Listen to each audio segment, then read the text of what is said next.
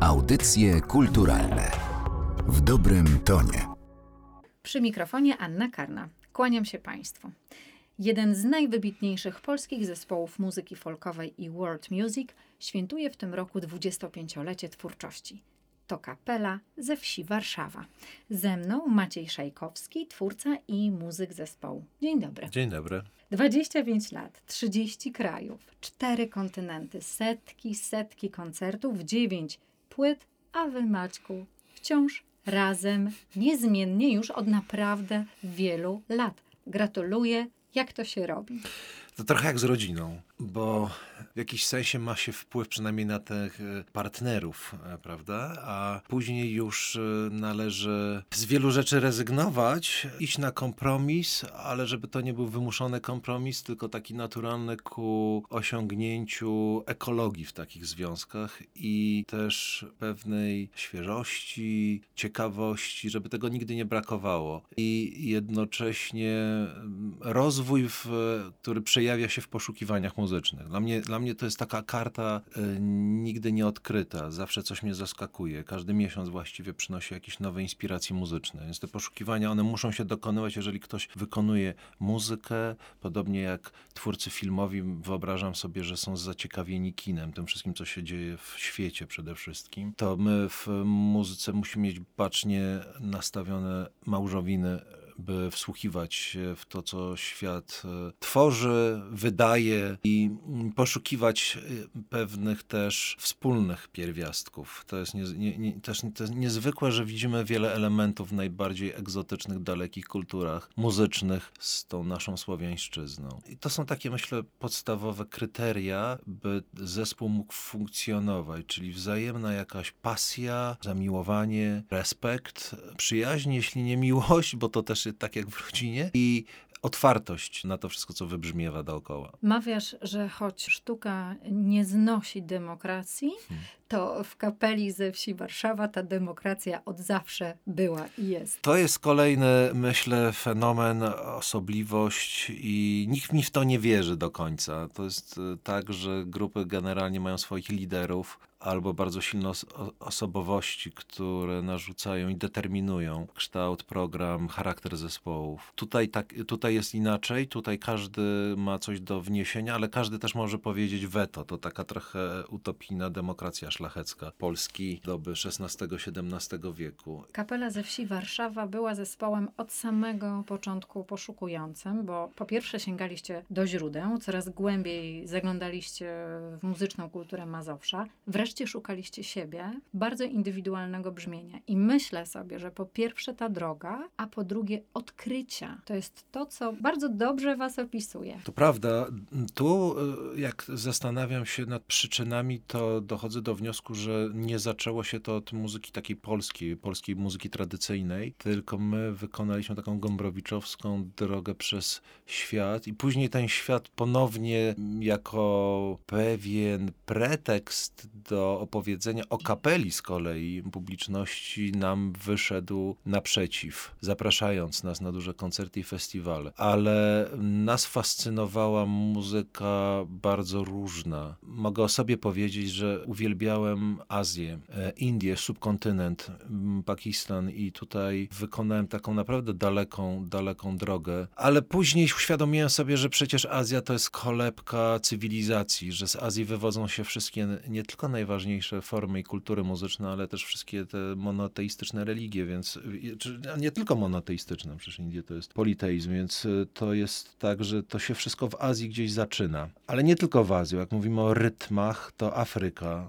i, i, i tutaj ponownie wielkie fascynacje. I to musiało się przełożyć też na brzmienie kapeli. Nie sposób było tego uciec, nie sposób było gdzieś cytować nawet podświadomie pewnych wpływów. Tak jak muzyka mazowsza, do której się odwołujemy i z którą identyfikujemy najmocniej, pełna jest różnych inklinacji, cytatów, inspiracji, wpływów bardzo różnych kultur, bo Mazowsze jako serce Polski było po pierwsze pewnym fenomenem geograficznym, tutaj spotykały się kultury na przykład północnej i wschodniej Europy. Y, tutaj przenikały plemiona na kanwie wieków. Tutaj mieszkali wreszcie do końca powiedzmy XIX wieku, do, do, do połowy XX nawet, przedstawiciele bardzo wielu różnych nacji. Przecież to urzecz, o którym opowiadamy, to są Olędrzy, to są przybysze w wieku XVI i XVII z Niderlandów, y, Niemiec północnych. To są, y, to jest ogromna społeczność żydowska. To są przecież też mniejszości gdzieś wschodnie, tutaj Podlasie, to są przecież Tatarzy i tak dalej. Ta wschodnia nasza granica mazowiecko-podlaska. Kiedyś y, przecież Kolberg opisując to wielkie Mazowsze, stare Mazowsze, włączał niezliczone grupy społeczne, kulturowe, narodowe, etniczne. To jest taki pejzaż, w którym wybrzmiewa ta muzyka, która jest wypadkową przecież niez, niezliczonej ilości wpływów. Ale jak zaczynaliście, to sami niewiele wiedzieliście o mazowieckiej muzyce regionalnej, prawda? To prawda, bo zafascynowaliśmy się nią poprzez muzykantów, przez taki kontekst kontaktu bezpośredniego, wyjazdów e, na wieś, uczestnictwie w, uczestniczeniu w przeglądach różnych folklorystycznych czy zabawach, bo, bo my trafiliśmy na taki wspaniały region tutaj graniczący z Mazowszem e, Radomszczyzny i Wieniawy. I ta Wieniawa nas zafascynowała, bo tam doświadczyliśmy chyba jednych z ostatnich takich, ale prawdziwych, nie rekonstruowanych, czy nie tworzonych w pewnym już takim kontekście odtwórczym zabaw wiejskich. Tam po prostu społeczność lokalna się spotykała przy muzyce akustycznej, przy oberkach i, i wirowała i to, to, nie było, to, to, to była taka potrzeba akurat tych mieszkańców. To była starszyzna oczywiście miejscowa. I to nas tak urzekło, zafascynowało, bo, bo widzieliśmy po prostu jak ta społeczność się tam spotyka, jak tańczą, jak opowiadają sobie, mm, przeżywają to wszystko, uczestniczą w takim ceremoniale, w takim, takim rytuale e, korzennym. To mnóstwo inspiracji nam to przyniosło, bo po pierwsze ta muzyka nam się wydała niesłychanie dzika, a przez to wolna, bardzo energetyczna, tak jak przełożyć na akustyczne instrumenty, gitary elektryczne była ta sama moc i ten sam temperament. Tam już nie było młodzieży. To też było do, do, do, dość specyficzne, że to była kultura ludzi starych, to były takie ostatnie manifestacje, objawienia, ale, ale widzieliśmy, że ona ma potężną moc i zastanawialiśmy się, dlaczego nie ma tych ludzi młodych, tam, dlaczego nie ma ich wnuków, czy, czy, czy, czy, czy synów i córek w tym, w tym obrzędzie, w tym niezwykłym spotkaniu takim przecież środowiskowym, wiejskim. I, I dlaczego? I, I, no dlatego, że to, to, już pojawiała się po prostu nowa moda, no, nowa muzyka. To kojarzyło się z czymś starym, archaicznym, coś, co było głosem i mm, takim wyrazem ich ojców i dziadków. Znaleźliście swoją przestrzeń, rozpoczęliście swoją drogę. Ten pierwszy utwór, który sprawił, że o kapeli ze wsi Warszawa zaczęto mówić szeroko? Był taki kawałek z pierwszej płyty Hopsasa, to był rok 98, kiedy ona została wydana, Cztery konie. I to jest taki, e, e, powiedzmy, sztandarowy przykład pewnej nowej szkoły muzykowania, czyli odniesienie do archaizmów ludowych, mazowieckich, dzikie, jak to mówił Włodzimierz Kleszcz, nasz ojciec chrzestny, redaktor Polskiego Radia. Tam są szarże smyków i galopady bębnów. I coś w tym było, czyli dzikie, dzikie smyki grane bardzo transowo w repetycjach i bębny, które przypominały takie kawalkady punk rockowe. Ta forma rozbudowania zestawu perkusyjnego z jednej strony bardzo wzmocniła rytmy, a z drugiej stworzyła taki fantom zestawu perkusyjnego, tak bym to nazwał. Czyli coś, co jest bliskie już uchu i rozpoznaniu muzycznemu współczesnego słuchacza. Chociaż w ogóle to nie było dla nas e, żadnym kryterium, żebyśmy się tym kierowali. Ale tak dziś to widzę, że te, te rytmy, one, mimo że osadzone w e, tradycji, one mogą brzmieć współcześnie. W swoich poszukiwaniach wy naprawdę wędrujecie, bo pamiętam doskonale płytę Reakcja, ale podejrzewam, że to dotyczy wszystkich hmm. waszych albumów. I wtedy właśnie naprawdę wędrowaliście po wsiach, by spotkać ostatnich wiejskich muzykantów, mhm. waszych przewodników. Tak, reakcja mazowiecka to jest ta ekspedycja nasza z bodaj roku 2016, ile się nie mylę, i to jest takie już bardzo, bym powiedział, usilne poszukiwanie archetypów.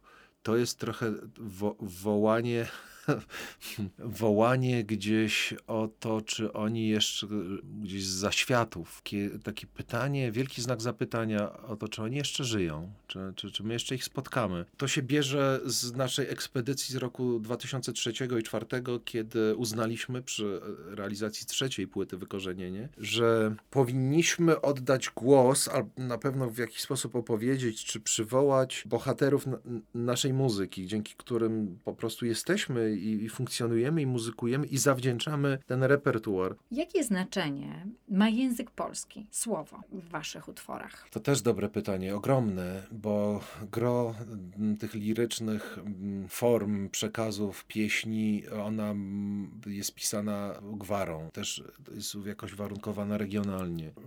Jest to język staropolski, niezwykle archaiczny, pełen niezrozumiałych takich form, słów i by to było w miarę czytelne, my staramy się odnaleźć te teksty, które one oczywiście o czymś mówią, są ponadczasowe, w miarę uniwersalne, zrozumiałe też i dla nas przede wszystkim, no i dla naszych odbiorców, mimo że nadal pozostają gwarowe część zostawiamy w formie nienaruszonej, część w jakiś sposób uwspółcześniamy. Myślę, że mamy do tego prawo, bo przecież niewielu po te teksty w ogóle sięga, a część piszemy od podstaw gdzieś stylizując, albo może lepszym słowem byłoby inspirując się gwarami, głównie mazowiecką, czy z takim, taką liryką ludową, którą no, perfekcyjnie mistrzowsko prezentował na przykład Tadeusz Nowak. I to też są wyzwania. Jedna z waszych ostatnich podróży to płyta Uwodzenie z 2020 roku. Za ten album właśnie zostaliście nagrodzeni kilkoma nagrodami, zarówno europejskimi, jak i e, światowymi, między innymi The Best of Euro, ale zajęliście także czwarte miejsce w klasyfikacji najlepszych albumów z całego świata. Okazuje się, że czerpać ze źródeł można i trzeba nawet, bo jak widać jest wielu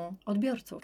Tak, dziękuję, bo jest, to znaczy jesteśmy wdzięczni tym, którzy tę płytę docenili w Polsce i świecie. Dostaliśmy za nią Fryderyka w kategorii Muzyka Świata. Dostaliśmy e, dwukrotnie z rzędu pierwsze miejsce World Music Charts Europe. To jest najbardziej taka prestiżowa i elitarna jednocześnie selekcja albumów, które ukazują się na całym świecie. To sobie wyobraź, Aniu, po raz pierwszy w ogóle w historii zespół polski dostaje tego typu wyróżnienie i to dwukrotnie z rzędu. Wcześniej było to raz e, Krokę i klasyfikowane NJ, ale no doskonałym albumem Twinkle Brothers w Trybunie Tutki z tą płytą Higher Highest. Więc e, tak, to jest, to jest coś niezwykłego. Dla nas naprawdę to, to jest asumpt do, do działań, bo z jednej strony uznanie publiczności przekłada się bezpośrednio na, na sens, cel, charakter naszych działań, daje nam wiatr w żagle, ale te, to, to uznanie krytyki też jest, też jest szalenie ważne, bo na początku my mieliśmy jednak taką myśl, takie, takie wrażenie, że dotykamy świata, który przeminął, który zawsze był pewnym folklorem. Czym jest folklor? Wiemy, czymś marginalnym. Folklor jest raczej postrzegany w kategorii głosu mniejszości, a tutaj udało nam się dojść do takiego momentu, że wymyśliliśmy, opracowaliśmy i brzmienie, i pewien, pewien taki rdzeń zespołu, ale też zainspirowaliśmy innych do wzmocnienia rozwoju sceny muzycznej, bo nie ma w tym przesady, że przecież ten folk y, rozwinął się od drugiej połowy lat 90. w sposób niezwykły. Dowody, bardzo poważne festiwale. W tej chwili każde miasto w Polsce ma swój folkowy festiwal. Mamy koniec lat 90., mamy cztery duże ogólnopolskie, czy międzynarodowe nawet festiwale w Polsce. Mija kolejnych 5-10 lat i pojawiają się takie przedsięwzięcia już absolutnie epickie, monumentalne, jak Etnoport w Poznaniu, Skrzyżowanie Kultur w Warszawie, rozstaje etnokraków w Krakowie i tak dalej. Tych nagle, nagle ta mapa festiwalowa poszerza się niezwykle i stajemy się krajem, który zaczyna być zauważany przez gwiazdy takie jak Goran Bregowicz, Buena Vista Social Club. Oni zaczynają przyjeżdżać po prostu do Polski, uczestniczyć nawet w pewnych koalicjach muzycznych. To jest coś nie do przecenienia. Uważam, że bardzo między innymi dzięki kapeli udało nam się poszerzyć pejzaż muzyczny Polski. Pamiętam nasze spotkania, przecież myśmy byli dzieciakami, tam przychodziliśmy na Woronicza, bo odkryła nas Agnieszka Rosłoniak, zawsze to wspominam, jestem wdzięczny, a później się z tobą spotkaliśmy, Aniu. No to przecież byliśmy studentami na litość boską. Jak to płynęło szybko. Ale ile się wydarzyło, ile dobrego Tak. się wydarzyło. Przyznałeś mi się jakiś czas temu, że przygotowując się teraz do dziesiątego albumu, chcesz coś zmienić. Coś, do czego właściwie dojrzewaliście wszystkie te lata. Nosimy się z zamiarem przeobrażenia trochę brzmienia, zmiany też formy lirycznej. Zobaczymy, do, dokąd będzie nam dane pójść, gdzie będziemy musieli się zatrzymać i powiedzieć: Stop, nie, tak, nie, nie możemy, tak, to, to już za dużo, to już, to już nie będzie kapela. Przypomnę, że z kapeli powstały takie twory, jak na, na początku działań. Najpierw to był KZWW Sound Anti-System, czyli taki kolektyw DJ-ski grający etno-elektro na imprezach różnych klubowych, z którego powstał zespół Village Collective, który regularnie e, nagrywał płyty, e, z którego powstała Masala Sound System, e, później powstała Ruta, powstał Lelek. To są wszystko zespoły, w których uczestniczyli twórcy i muzycy kapeli ze wsi Warszawa. Więc można powiedzieć, że taki ruch muzyczny powstał, dość duży, który przejawiał się w bardzo różnych też formach odniesień do źródeł, a nawet do czasów prasłowiańskich, tak jak to było w wypadku Lelka, dlatego że ta konotacja też jest szalenie ważna, że staramy się pokazać i, i, i sobie samym dowiedzieć się, nauczyć czegoś o, o, o pradziejach, o wiekach średnich, o genezie generalnie, skąd, skąd jesteśmy. To jest takie fundamentalne pytanie, które każdy twórca powinien sobie zadać. Tak jak każdy człowiek, skąd wychodzimy, jaka jest praprzyczyna, jak, dokąd zmierzamy i, i co, jest, co jest tym źródłem, co jest fundamentem. Nas tak jak y, dawne takie przekazy liryczne, ludowe, pieśni tradycyjne, ich język, ich uniwersalność, taka mądrość też pokoleniowa, która się w nich zawiera, mm, fascynuje poezja i Marcin Świetlicki pokazał, że współczesny tekst, współczesny wiersz może być mm, takim nie, nie, niezwykle ciekawym sposobem na kompozycję kapeli, e, więc mamy też taką ciekawość, który z poetów, jest ich wielu, chodzi bardziej o konkretny wiersz, sądzę, ale bardzo nas poezja, tak, bardzo, bardzo. I tutaj mógłbym wymienić Przybosia, Lechonia, Tuwima, wielu, wielu jeszcze poetów, też współczesnych, e, ale chcielibyśmy zmierzyć się z poezją też. To jest taki, taki myślę, to jest kwestia czasu. Czego Wam życzyć z okazji ćwierć wiecza na polskiej scenie muzycznej? Wydaje mi się, że fajnie, gdybyśmy po prostu nie planując, ani nie będąc zakładnikami ja- jakichś zjawisk ludzi czy, czy zobowiązań, robili swoje. To, to już będzie bardzo, bardzo dużo. I by dalej koncerty, takie bezpośrednie konfrontacje były czymś szczególnym i, i ważnym dla ludzi, bo nic nie jest w stanie zastąpić przeżycia koncertowego, e, takiego spotkania twarzą w twarz. Taki kontakt na żywo, on przynosi zdecydowanie więcej bodźców, wrażeń, emocji i doświadczeń. I to jest nie do przecenienia. I każdy, kto tego doświadcza, może to potwierdzić. Zatem życzę Wam tego. Bardzo Ci dziękuję za spotkanie. Dziękuję pięknie. Do zobaczenia. Po prostu do spotkania na koncertowym szlaku. Gościem audycji kulturalnych był Maciej Szajkowski, twórca kapeli ze wsi Warszawa. Audycje kulturalne w dobrym tonie.